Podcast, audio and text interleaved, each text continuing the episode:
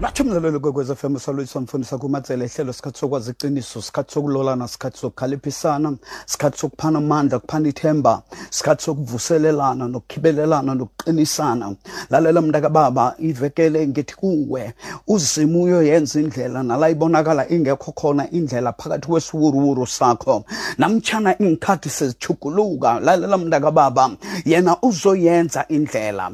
Into afuna ukuthi umenzele yona ukuthi wena umethembe uma uzazi ukuthi ungubani empilweni akho? Begoda uzazi ukuthi wena ungwakobani ulizeleni phasina lalela mntakababa phakathi kwaso sonke isiwuruwuru esirabhula kiso uzoyenza indlela. Ukhuluma nomose umose na ufunda ku-exodus 33 uthome kuvesi 12 umose uthi uthi zengikhuphule laba bantu ngibalethela kodwana ukangitsheli ukuthi ngikhamba nobani.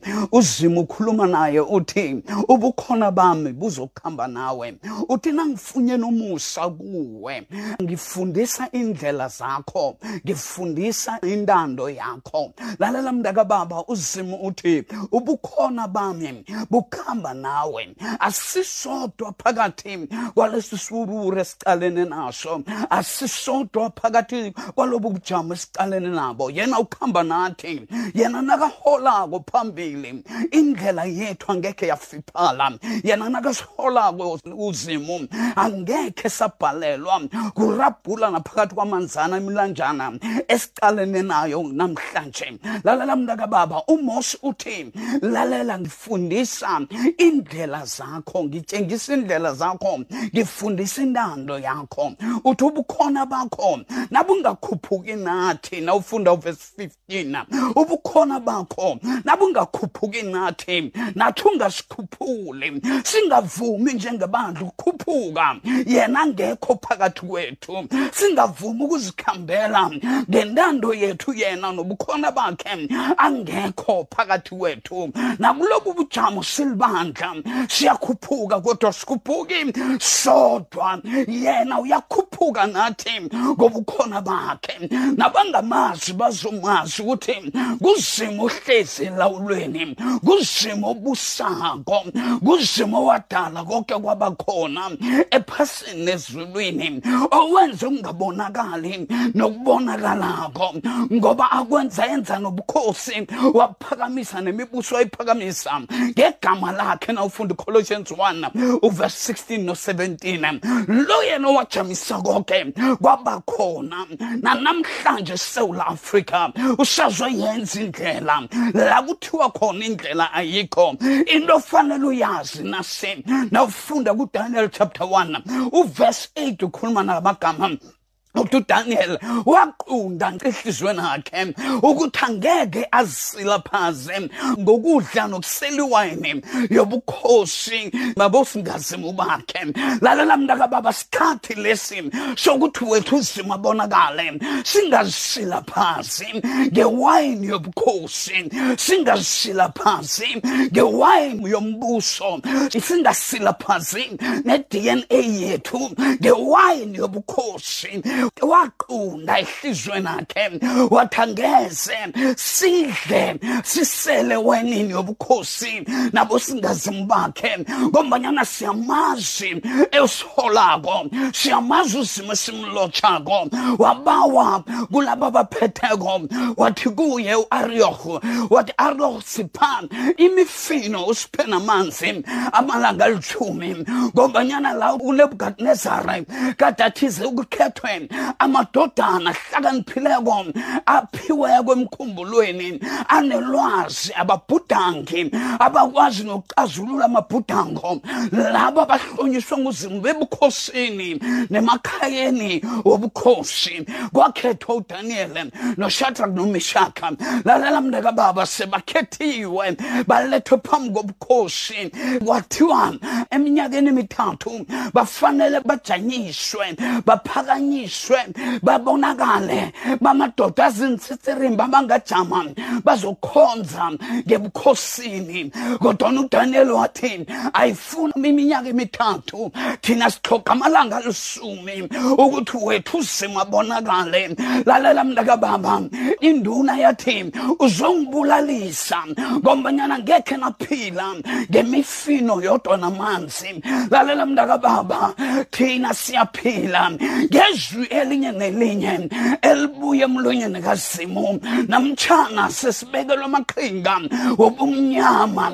Esiphasini esiphila kilo namhlanje kufuna sisilaphaze i-dna yethu ngewayini lobukhosi newayini lombuso. Uyangizwa kamoya ungaliseli iwayini lobukhosi. Nokuthi liza ngayiphi indlela ungaliseli iwayini lemibuso nabosingazimu abayenze ukuthi uzokudla etafuleni lobukhosi.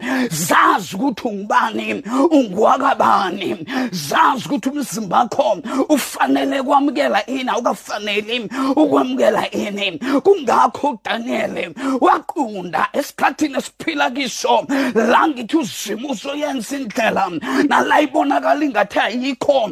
Phakathi kwesiburuburu kufuneka abantu abanesibindi abayokuthi asikazokusela.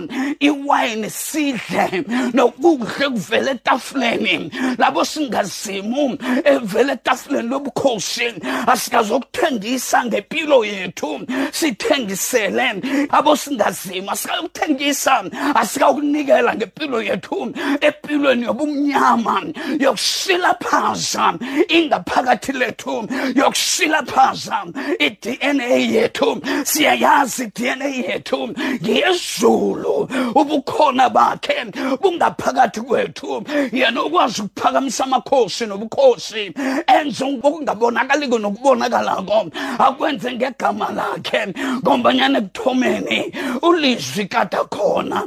Lalela ulizwi kade kuzimu. Ngezwi uzimu lwenza konke ukuthi kube khona. Nanamhlanje la kunganandlela uyokhuluma izwi bese indlela iyabonakala. La kubonakala kufifiyela yena ukukhanya kwethu. Lalela kusibane ulikhandlela enyaweni zakho uyakukhanyisela endleleni yakho. Ngakho kungapheli ithemba ungaphelelwa mamandla ubona ungathi konke sekuphelile. Lalela mntakababa usathane angawalinga woke amaqhinga okuzama ukudlelezela ibandla. Namhlanje esouth africa nephasini lonke angawalinga woke awazama woke amaqhinga okungenelela emizimbeni naku-dna yethu. Kodwana angangekhe aphumelela ngombanyana sikhamba nosimo ongalalo ongozeliko okungekho kufihlakele kokuye lalela mntakababa yena uzosipha amaqhinga nokuthi siyokuphuma njani. Kungakho ujesu kujohn 16 uvesi 33 uthi lalelani ngimphile ukuthula okukimi ukuthi kube kini. Namtshana nizohluthwa ephasini ningathwenyeki ningaphela amandla ningaphela ithemba ngoba iphasi nenhlokohloko zalo nokuthwenywa kalo ngilinqobile lingaphasi kwenyawo zami. Yena nakasekasinqobele inhlokohloko nemikhuba nemithethwana esibekela yona singesabi ngombanyana thina sihlengiwe sibiziwe ngegama usibizile ukuthi sibe ngebakhe usihlengile wasenza bakhe. Lalela mntakababa ngakho ku-isaya 43 uvesi 1 no-2 uthi wena jakobe ungesabi ngikubizile ngegama begodwa ngikuhlengile south africa ujehova ukubizile ngegama ngikhuluma nebandla ukubizile ngegama. Wakuhlenga kuhlenga ukuthi wazi ukuthi nakubo covid-19 nakubo covid variant uyodlula njani awukayokudlula ngentando yombuso noma intando yabantu? Kodwana uyokudlula ngentando kasomnini othi ubukhona bami bukhamba nawe ubukhona bami buyokurabhula nawe la urabhula khona.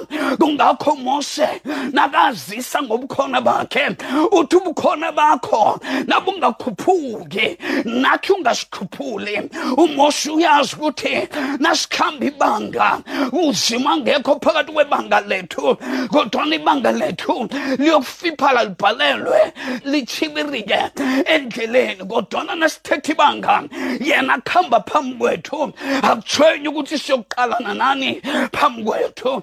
Nakaqhubeka umosha uthi kodwa ukangitshela ukuthi ngikhamba nobani uzima uthi lalela ngaphambi kokuba uzima mphendula umosi uthi ngifuna ukubona iphazimulo lakho. Ngifuna ukubona i want to see your glory. Uzima uthi lalela-ke angekhe wabona ubuso bami waphila. Ngakho-ke ubukhona bami buzokuthina budlula phambi kwakho. Lalela kunendawo phezu kwami kunendawo kimi edwaleni kunedwala esibekelwe lona. Uthi leli dala lisasambile. Lalela emfantwini phakathi kwedwala la lisasambe khona.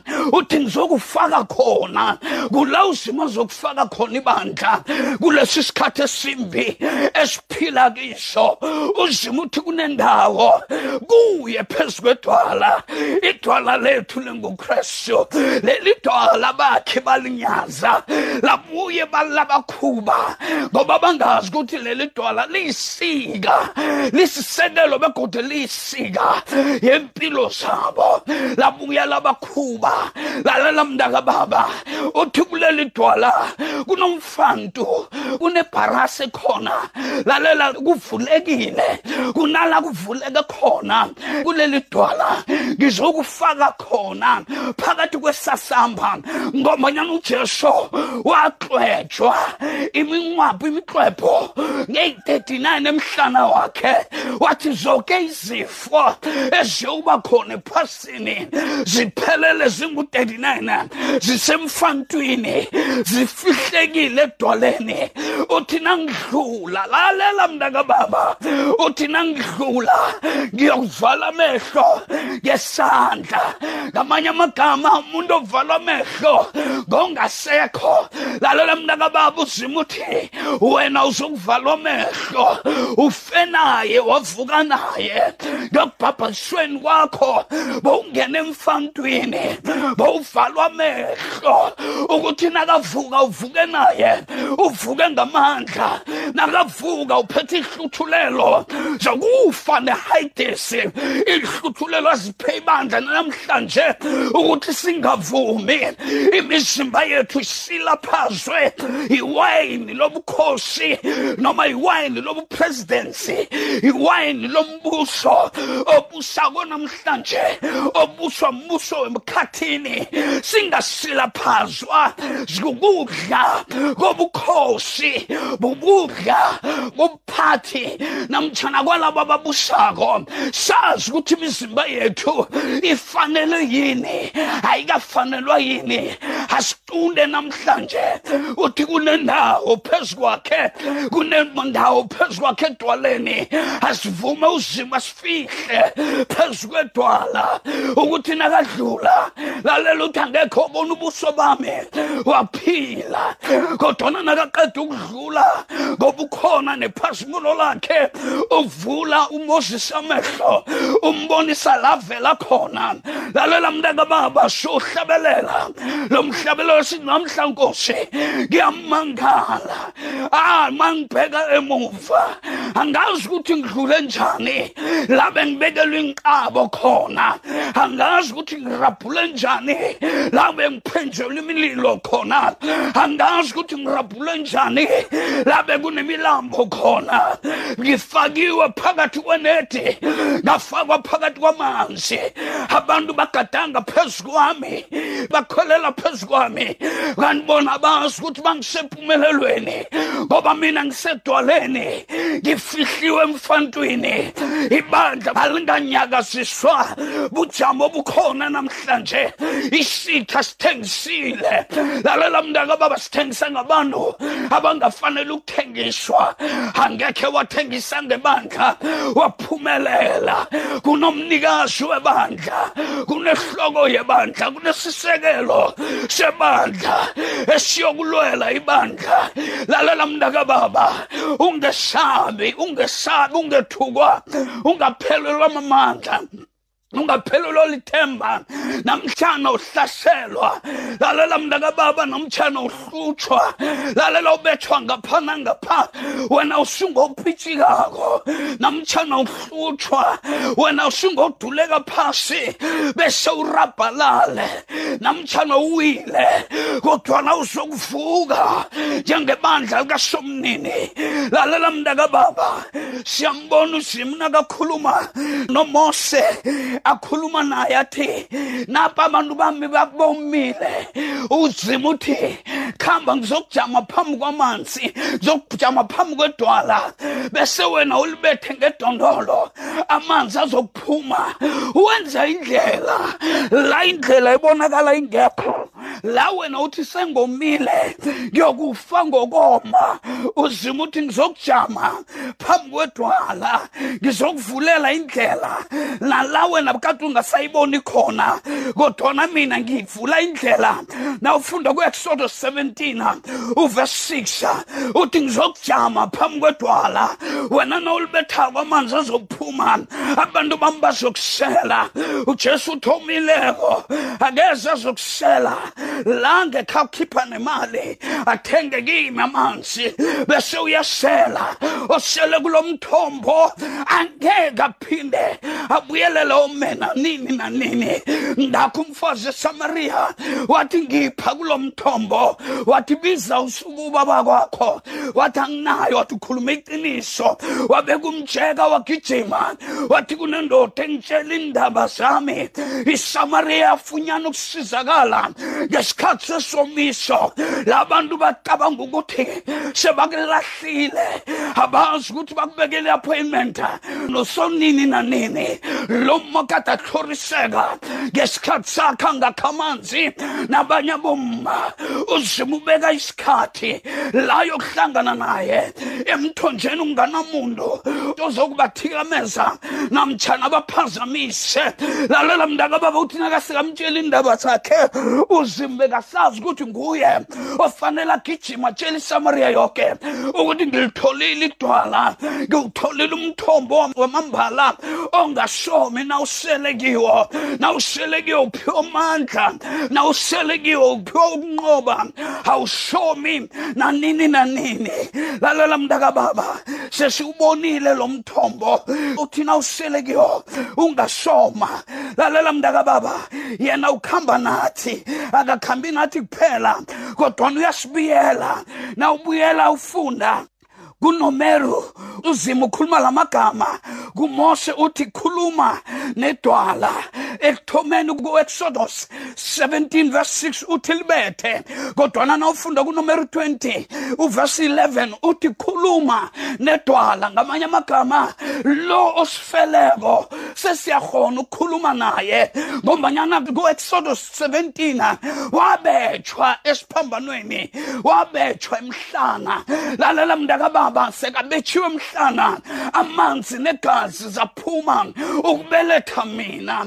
Ukwenza ukuthi mina nawe namhlanje sibizwe ukuthi sibentwana bakazimu. Sekabetshiwe lalela mntaka baba na uya kunumeru na ufunda kunumeru 20 uverse 11 uthi nje wena ke uMoses ungasalibethi idwala. Khuluma nedwala. Amanzi azokuphuma. Ngamanye amagama kade sibuyisela la ujesu wathi konke nikubawako ngegama lami kubaba. Yena uzonenzela nakathi khuluma nedwala bekathi khuluma nedwala ngegama lami ngibetshiwe ngibethwe imvimbo engu-39 ngemhlana yami. Izifo zonke ziyelatshwa kungakho nofunda upetro sibili indima yesibili uvesi 24 uthi ngemivimbo yakhe siphilisiwe.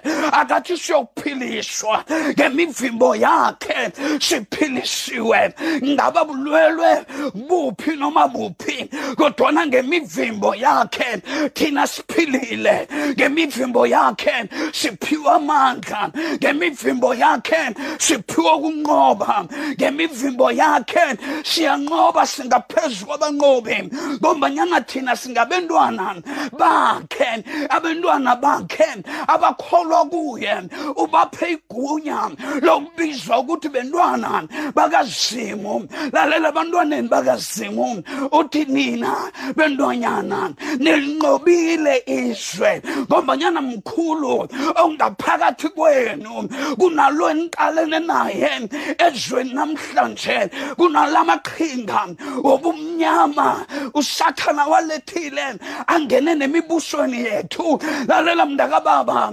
sekamaqhinga wathengisele yona lalela mndakababa ungaliseli iwayini eliyokusilaphaza umzimba wakho eliyokusilaphaza i-dna yakho likwenze ulahlekelwe bundlalifa bakho. Wena zazi ukuthi uyindlalifa. Lalela mntakababa angekhe walala ngendlala. Asele isiwatsho masinya.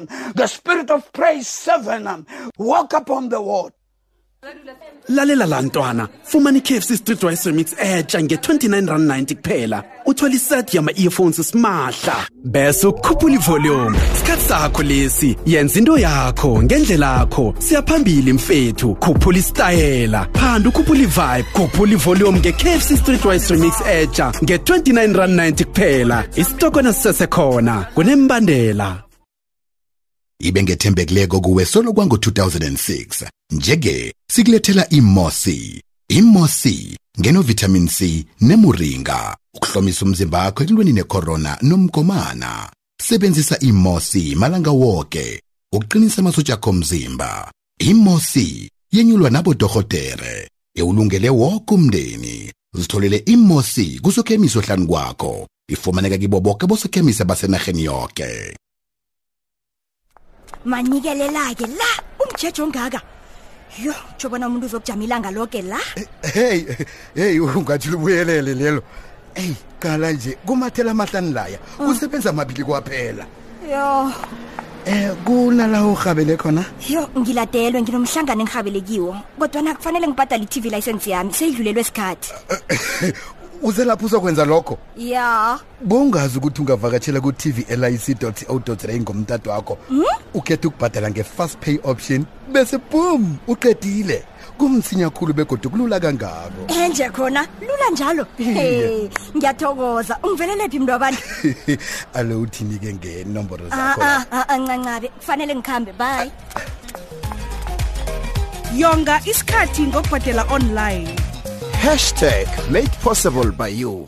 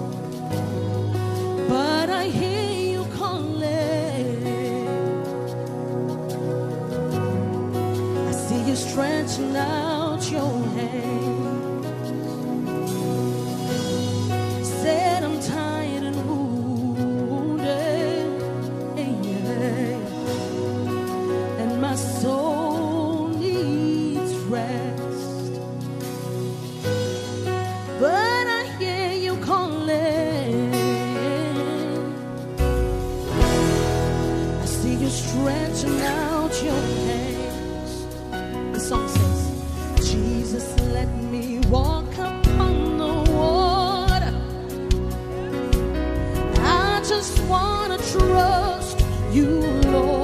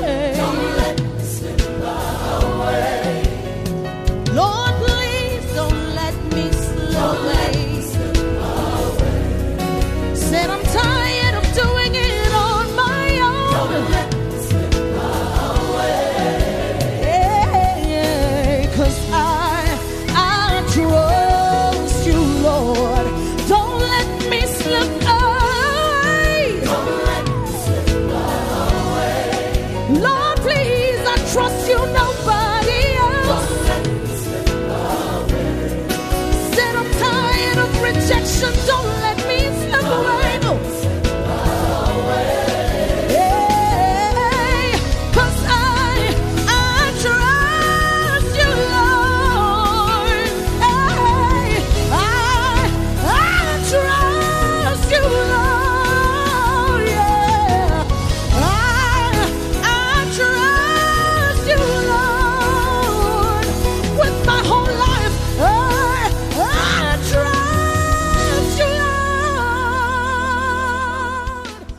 Siyathokoza, spirit of praise, number to walk upon the water.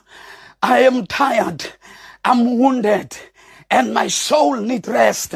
Stretch your hand, Lord, stretch your hand. Let me walk upon the water. Basikhumbuza uPetro kuMateyu 14 uthoma kuverse 22. Lalela bathi nabahlabelela bathi Jesus, let me walk upon the water. I feel tired and wounded. Ah, I need some rest. But stretch your hand. Lulela isandla sakho kimi and let me walk upon the water. la Lamanzi abonakala ayingozi. uJesu ukhuluma nakamazwi nakakhuluma nabafundi bakhe nabahlezi nesicuku sabantu kuMateyu 14 uthoma kuverse 20 lalela mntaka baba ekuthomeni sibona la kunesicuku sabantu esilambileko. Abantu abangu 5000 kodwa bona baphethe amalofa asihlanu nemfesi embili uqala phezulu uyabonga. Umenza indlela la ingekho khona. Nakaqeda ukuthokoza uthi hlalisana abantu ngendlela yabo. Nababala u-5000 tata bangabala bomma nabentwana kodwa babala amadoda kuphela. Wena ungatsho ukuthi kade bangangani ngombanyana bomma isibalo sabo singaphezu kwesabo baba lalela sebahlezi phasi bayadla. Ibhayibhile lithi kwasalela okusalako kwabuthelelwa. Nakubuthelelwako lalela mntaka baba nasele kubuthelelwe kwagqwala amabhaskiti ayi-12 banikeza umsana okade aphethe isikhafutini sakhe bamnikeza wathwala into amabhaskiti wabuyela ekhaya. Lo wenza indlela la ingekho khona bese iba khona indlela. Lalela nasela qeda uthi esiqukweni sabantu khambani. Lalela mntakababa uzima unazokwenzela indlela akakufuni ukuhamba nesiqubuthu sabantu akakufuni ukuhamba netshathukazi labantu. Ukufuna la wena uwedwa khona besabonakale anguzimo phakathi kwempilo yakho naphakathi kobujamo bakho. Uthe ebantwini khambani-ke nidlile nisuthi khambani nibuyele ekhaya. Uthe ebafundini bakhe ngenani phakathi komkhumbi. Lalela mntakababa ungalahlekelwa. Umose uthini? Ubukhona bakho. Nabe ungakhuphuki nathi nathi ungasikhuphuli. Ngakho-ke ujesu uthi ebafundini bakhe ngenani emkhumbini ngikhamba nani. Kodwana ngokwenyama uyakhuphuka ukhwela indaba uyokuthandaza. Bona bangena emkhumbini bayamela ngaphetsheya phakathi komkhumbi namhlanje sisewula afrika. Singaphakathi komkhumbi ovukelwe zinguruburu. Lalela mntakababa ezitsho kuqeda. Leli mkhumbi esingaphakathi kwawo ukhona umnikazi wawo. Lalela inguruburu zivukele ibandla. Namhlanje azikavukeli iphasi lonke kodwana zivukela umzimba kakristu. Sikhathi sokuthi umzimba kakristu uvula amehlo uphaphame ebuthongweni ngoba isitha sekuseduze nokuhlwitha esifuna ukuhlwitha lalela mntakababa kodwana nasihlezi enyaweni zakhe isitha sinamandla okususa enyaweni zakhe ngoba enyaweni zakhe siyaqinwa entendeni yesandla sakhe siyaqinwa siyalondolozwa siyafihlwa uthi akunasandla sobumnyama esingasihlwitha esandleni sakhe ngoba nasesandleni sakhe uthi kufana nokuthi uma nakamunyisa umntwana akamkhohlwa amunyisa ambeke kuye emabeleni wakhe uthi ngakho-ke nani nitsitselwe? Esandleni sami nangiqala njalo 24/7 ngiqala esandleni sami ngibona nina ngibona indingo zenu ngibona ukuthwenyeka kwenu. Lalela mntaka baba sikhambi sodwa lalela sisemfantwini sifihliwe phakathi kwesasamba ledwala sifihliwe emanxebeni wakhe sifihliwe ezifeni zonke ezikhona ezidlulileko nesisazi ukuba khona. Sigciniwe thina silondolosiwe sithengiwe ngengazi ukuthi asikazokusilaphaza imizimba yethu ne-dna yethu ngamawayini nokudla kobukhosi kwalabo abathengisa ngathi silibandla lalela mntakababa sivalelwe nemikhawulo. Lalela siqindeliswe namakhambo. Isitha sicabanga ukuthi na uwedwa sizokufunyana isitha nasikuyenga. Ungavumi mntaka baba. Ungavumi isitha sikulahlekise ungavumi isitha sikudorhise la uzibona ungathi sewuwedwa. Awusiwedwa. Yena ukuhamba nawe. Iba njengomose uthi baba wena na ungakhuphuki? Nathi ungasikhuphule. Uzima uthi mose nangingakuhamba nani? Abantu baholako banenhliziyo eziqinileko banezihloko ezilikhuni ngabaqeda endleleni. Lalela umose uthini? Uthi zimu nawubaqedako endleleni izizwe ezingakwazi ziyokubona njani ukuthi unguzimu obakhupha egadangelweni? Lalela mntaka baba yena uzimu okukhuphile ngaphasi kwesandla sikafaro sokugadangela angekhe avume ukuthi ufaro omunye azokugadangela namhlanje akuseziwayini elisilapheleko akudlisa ukudla okusilapheleko ukusilaphaza ingaphakathi kwakho ukusilaphaza i-dna yakho ungavumi. Lalela mntakababa ngitsho sokuthenjiswa ukubotshwa uthi nala sengibotshwa khona niso emakhotho. Lalela ningathukwa ningakhulumi litho uthi mina ngizonikhulumela ngoba ngothembekileko lo olufeza kwizwi lakhe akaleya amanga yena ukhamba nathi njalo la indlela ingekho. Yena uyindlela neqiniso nokuphila. Uthi niyakulazi iqiniso lona liyokundichaphulula engikukhulumako namhlanje kuthi yazi iqiniso elikuthukululeko egadangelweni. Ungathengisi ngeqiniso ungathengisi ngomzimba wakho ube ithempeli lobumnyama la isitha sifuna ukufukamela khona ukuthi bandla nalihlwithwa ungasakwazi ukuhlwithwa ngoba isitha sesifukamele ngaphakathi kwempilo yakho. Lalela mntaka baba uzoyenza indlela. Nala ubona ungathi indlela ayisekho khona. Yena owadlula kumose ngobukhona bakhe ngephazimulo yakhe. Lalela mntaka baba akathomi lapho sambona nala u-elija sekathi okungcono ngife ngoba abasekho abantu abamsabako uzimu abasekho abaprofeti abajamela uzimu sekaqedile ukubulala abaprofeti bakabhali nebaka-asteroti lalela mntakababa bangu-850 bakabhali abangu-400 baka-asteroti abangu-450 uzwa iphimbo likajezebhele elithi mtsheleni ukuthi nangingamthola asaphila kusasa. Lalela ngamnqona abo singazimu bami bangibulale ngizombulala. U-elija akabaleki u- u- ujezebhele kodwana ubaleka umlayezo awuzwileko ibandla lingavumi ukuhlangahlanganiswa. Ma-conspiracy theories akhona avukako against the church. The conspiracy theories ezivukako against umzimba kakristu. The conspiracy theories ezikhona kuma-social network ungavumi ulibandla ulahlekiswe zinkulumo zokulahlekisa. Lalela mntakababa inkulumo zokuphephethelisa lalela ubumnyama inkulumo zokuthi ungazi ukuthi ungubani. Lalela mntaka baba asiseliswatsho ngosinek nakathi waymaker.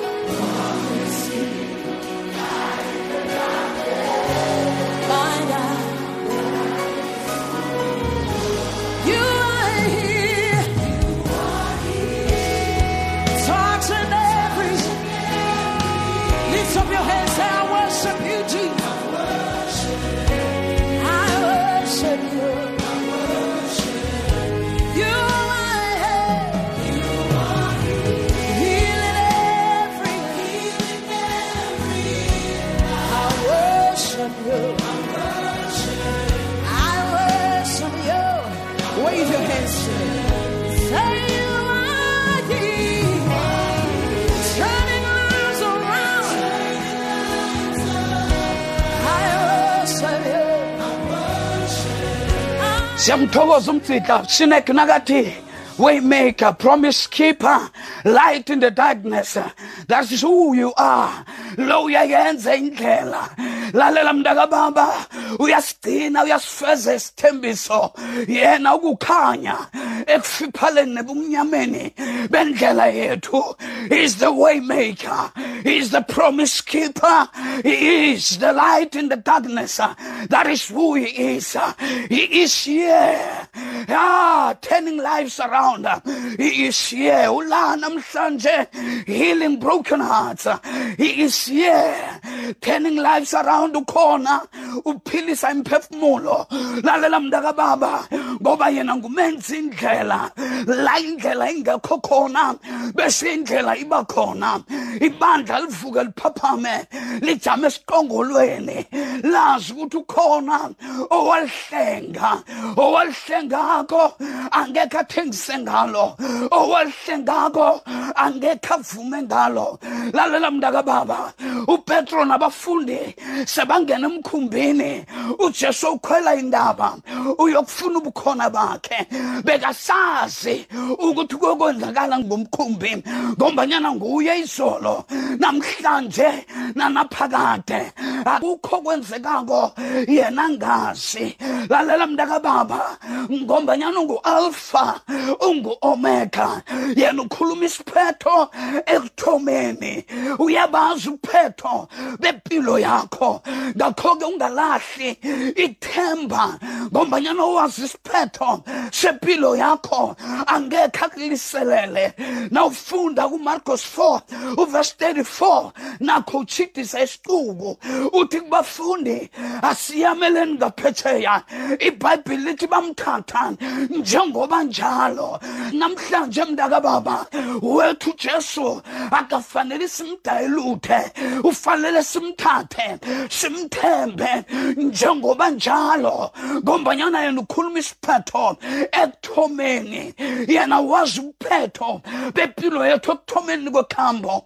Lalela mntakababa othi umose nakambuza athi nabangibuza bathi ngithunywe ngibani ngiyokuthini? Uthi kuye mtshela uthi ongunguye ongunguye ungithumile.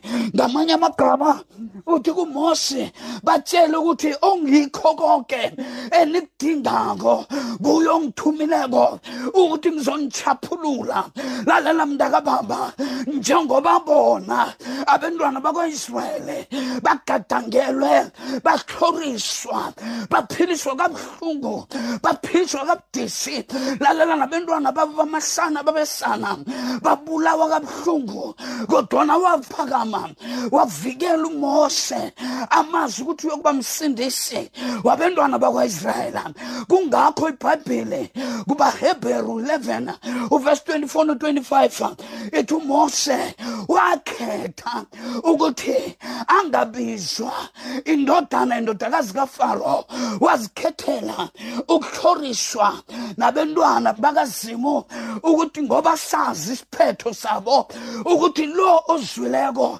obonileko lalela mntakababa nakehlako uzokusindisa isithaba sakhe.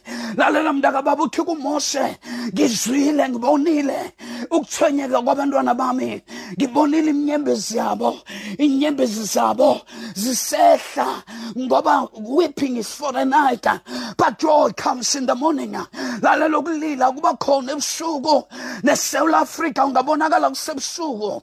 Siqindeliswa amakhambo amasondo avaliwe.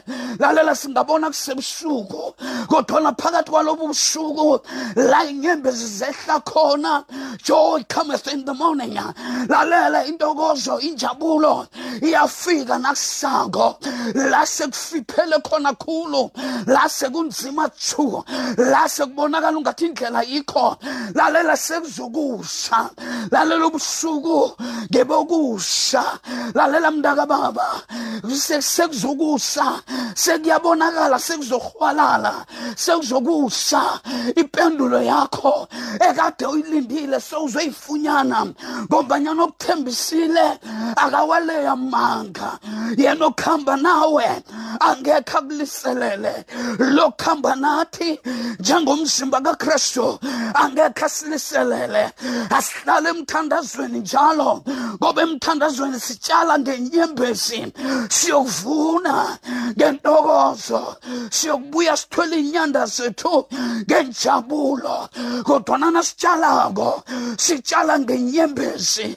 Yena uyabona la sitshala khona ngenyembezi. Uzosisula inyembezi zeminyaka. Lela lasiphe ukuthaba okungapheliko. Yena uthi konke ukuthwenyeka kwenu sekungaphasi kwenyawo zami. Cheer up ningasathwenyeki. Ngoba sengilinqobile izwe nawakho amathwenyeko uyawazi nowephasi lonke uyawazi khulukhulu umzimba kakristu. Ngithi kumzimba kakristu phaphamani bo bazalwane bakakristu. Lalelani vukanini sekusile. Phaphamani bandla phaphamani manxusa kakristu. Phaphamani bomma benkophe ezimanzi. Phaphamani nifundise abomma abancane ukuthandaza ngoba ukufa sekungene nesigodlweni. Kufahla ngamafestiri wesigodlo sekungene kudabulapha ngesigodlweni kuqeda abantwana bethu. Lalela mntaka baba kodwana nawufunda kusekon samuel lalela sifunyana uma obizwa ngokuthi ngurespa urespa azange avume ukuthi abantwana bayokudliwa amadlanga baphanyekiwe.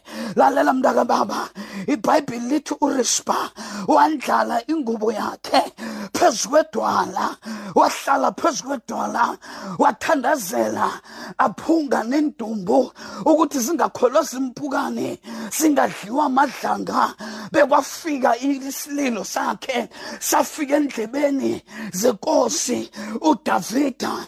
Udavida wathi khambani yokuphanyula indumbu nizingcwabe ngesizotha. Lalela mntaka baba kodwana nangathana urispa azange athatha indawo yakhe phezu kwedwala.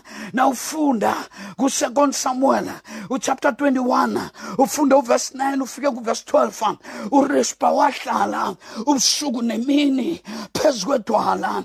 Ebandleni namhlanje sifuna borispa abayokwendlala ingubo zabo phezu kwedwala balilele imphakathi eseyiphela balilele imphakathi engenelwe amadlanga wezifo ezahlukahlukeneko lalela engenelwe amadlanga wendakamiswa lalela mndakababa imphakathi engenelwe amadlanga wewayini elibuya embusweni elibuya nakubosingazimu esifanele sifakwe emzimbeni yethu ungavumi ukushela iwayini lobukhosi ungavumi ukusela iwayini lobundunankulu ungavumi ukusela iwayini lobupresidenti lalela mntakababa iwayini lokusilaphaza umzimba wakho. Kukamoya uyangizwa ungaliseli iwayini eliyokusilaphaza umzimba nomkhumbulo wakho. Liyokusilaphaza impilo yakho kamoya ungavumi. Nala isitha sesifikile sikhohlise khona. Jugulula umkhumbulo wazi ukuthi wena usuye ofanele ukusela. Iwayini elisilaphaza umkhumbulo wakho elisilaphaza umphefumulo wakho elisilaphaza ihliziyo yakho elisilaphaza lalela mntakababa ingaphakathi lakho. Ungavumi vumela ukuthi usele amanzi udle imifino uhlale ebukhoneni bakhe. Uyangithanda ubaba. Nawe uyakuthanda ngakho ngekhavuma uhuhulwe zinkhukhula ezikhona zezifo. Namhlanje mntakababa kuthiwa ipengu ikhona ngapha ipengu ikhona ngapha. Yena ezwini lakhe uthi nasela zokubuya indodana umuntu kuzokuba khona abaprofeti bamanga. Lalela mntakababa kuzokuba khona bathi sibojesu kuzokuba khona bathi nangujesu ngapha abazokuba khona bazokuthi nasi ipengu ngapha kanti ipengu thina siyayazi ipengu yethu ipengu yemizimba yethu ipengu yemikhumbulo yethu ipengu yempilo zethu. Ingujesu lalela mntakababa yena nguye wahlenga imphefumulo yethu ngokulenga esiphambanweni. Uthi nomalenga uthi baba balibalele ngombanyana bakwazi abakwenzako. Lalela mntakababa uthi nakabethwa ustefano uphakamisa amehlo uthi ngibona amazulu avulekile ngibona indodana yomuntu isikimile ngesandleni sokudla. Lalela nawuhlezi kuye awuboni lezi zenzeka nje empilweni yakho kodwa ubona ezingale kukamoya. Lalela nandiya. Ah lalela izulu ikhaya lethu nandiya. Silibona ngamehlo. Ah kamoya. Lalela mntakababa noma siyahlushwa noma sidelelwa. Lalela kodwa liyeza isuku lethu. Noma siyahlushwa noma sidelelwa. Noma siyaboshwa lodwa liyeza isuku lethu izulu ikhaya lami. Ah silibona ngamehlo kamoya nandiya silibona ngamehlo kamoya. Phakamisa amehlo wakho uwasuse emrarweni yakho uwabeke. Esandleni sikasomnini wabeke ezulwini elingabonwa ngamehlo wenyama. Wabeke ezulwini olubona ngamehlo kamoya. Lalela mntakababa ujesu nakaphakeme aphezu kwentaba uyasibona isururu esitsho ukuqeda ngomkhumbi uyehla uqaqada phezu kwamanzi. Le nto kade ithi izokubulala ngile nto ujesu ayokuhamba phezu kwayo. Le nto kade ithi zokubulala ngilento zokuphakamisa ngilento zokuphilisa lalela mntakababa sikulesi sikhathi esikiso in the 21st century ukuthi ibandla libonakale nangambala ukuthi alifani nezwe aliphili kwezwe alikazisekeli ngento nehlakanipha kwezwe kodwana lizisekele emandleni kakristu emandleni kazimu osisekelo sethu lalela mntakababa naku-elija wathi khuphukele entabeni jama phezu kwedwala. Wathi nakadlula ukuthi elija wabona umlilo wabona ukuzamazama kwephasi wabona umoya omkhulu. Kodwana ibhayibheli lithi uzimu kade angekho lapho kodwana uzimu kade asephimbeni elihoshozako nanje ngikhuluma nawe kunephimbo elihoshozako elithi ungapheli amandla ungapheli ithemba. Yena okudalileko yena okuhlengileko ngomnqopho angekhe akuchiye angekhe akuliselele emhlagweni oqalene nawo yena okudalileko yena okuhlengileko wakuphalela ikhaya onalo angekhe alise ikhaya lakho libe yihlekisa kulabo abangamazi uzimo libe yihlekisa kusathana imbala angekhe akuliselela angekhe akulise urabhalele. Yena uthi ngizokubamba ngesandla sokudla. Nawufunda amahubo 37 uthi ngizokubamba ngesandla sokudla. Noma uwile angekhe warabhalala kathi wakwazi ukuwa uthi namtshana uwile kodwana ikurabhalala akusikho kwakho awukazi ukurabhalala amazulu athembe lona nathi si thembe lona kameli hle kamelihle nathi si uthembe nawe thembela kuleli gama eliphakeme elingaphezu kwamagama onke. Igama elihle igama likajesu. Amazulu athembe lona nathi siliphasi asithembe lona. Nabaletha iwayini nabaletha ukudla ovela ebukhosini evela endlini yopresidency yombuso ungavumi ukusela kuleyo wayini. Ungavumi ukudla lokho kudla. Kuzokusila phansi umphefumulo wakho. Njengodavida qunda ngempilweni yakho. Uthi angazokusila phansi impilo yami nomkhumbulo wami. Lalela ngekudla kwesikhatshana. Mina ngiyamazi umhlengi wami uyaphila ngiyakumbona uyakuma nasethulini bambona lalela mntakababa abopetro bambona. Akuhamba phezu kwamanzi. Bacabanga ukuthi isipokwe ngithanda upetro nakathi awusisipokuna uthi nanguwe ngibiza ngize ibhayibhile lithi wathi iza lalela mntakababa. Upetro nakathi ubeka amehlo wakhe phezu kwakhe wakwazi uqaqaqa phezu kwamanzi kodwa kwavuka ukwesaba. Nokungabaza kungabi khona ukungabaza. Esikhathini esiphila kiso kungabikho ukwesaba. Enhliziyweni zethu wathoma waqwila ujesu nakalula isandla wamdosa wathi wena wokukholwa okuncane nokwesaba ungesabi. Waqaqada naye wabuyela emkhumbini ungaliseli iwayini elokusila phazi umzimba wakho? Ungaliseli iwayini elokusila phazi umkhumbulo wakho? Nethempeli likankulunkulu umzimba wakho ulithempeli kasomnini wakwamkoneni umntwana uthi ngibamba u-r5 73 sesisonke inyanga kashihweni ngiyakwamkoneni simo akubusise kukhanya ba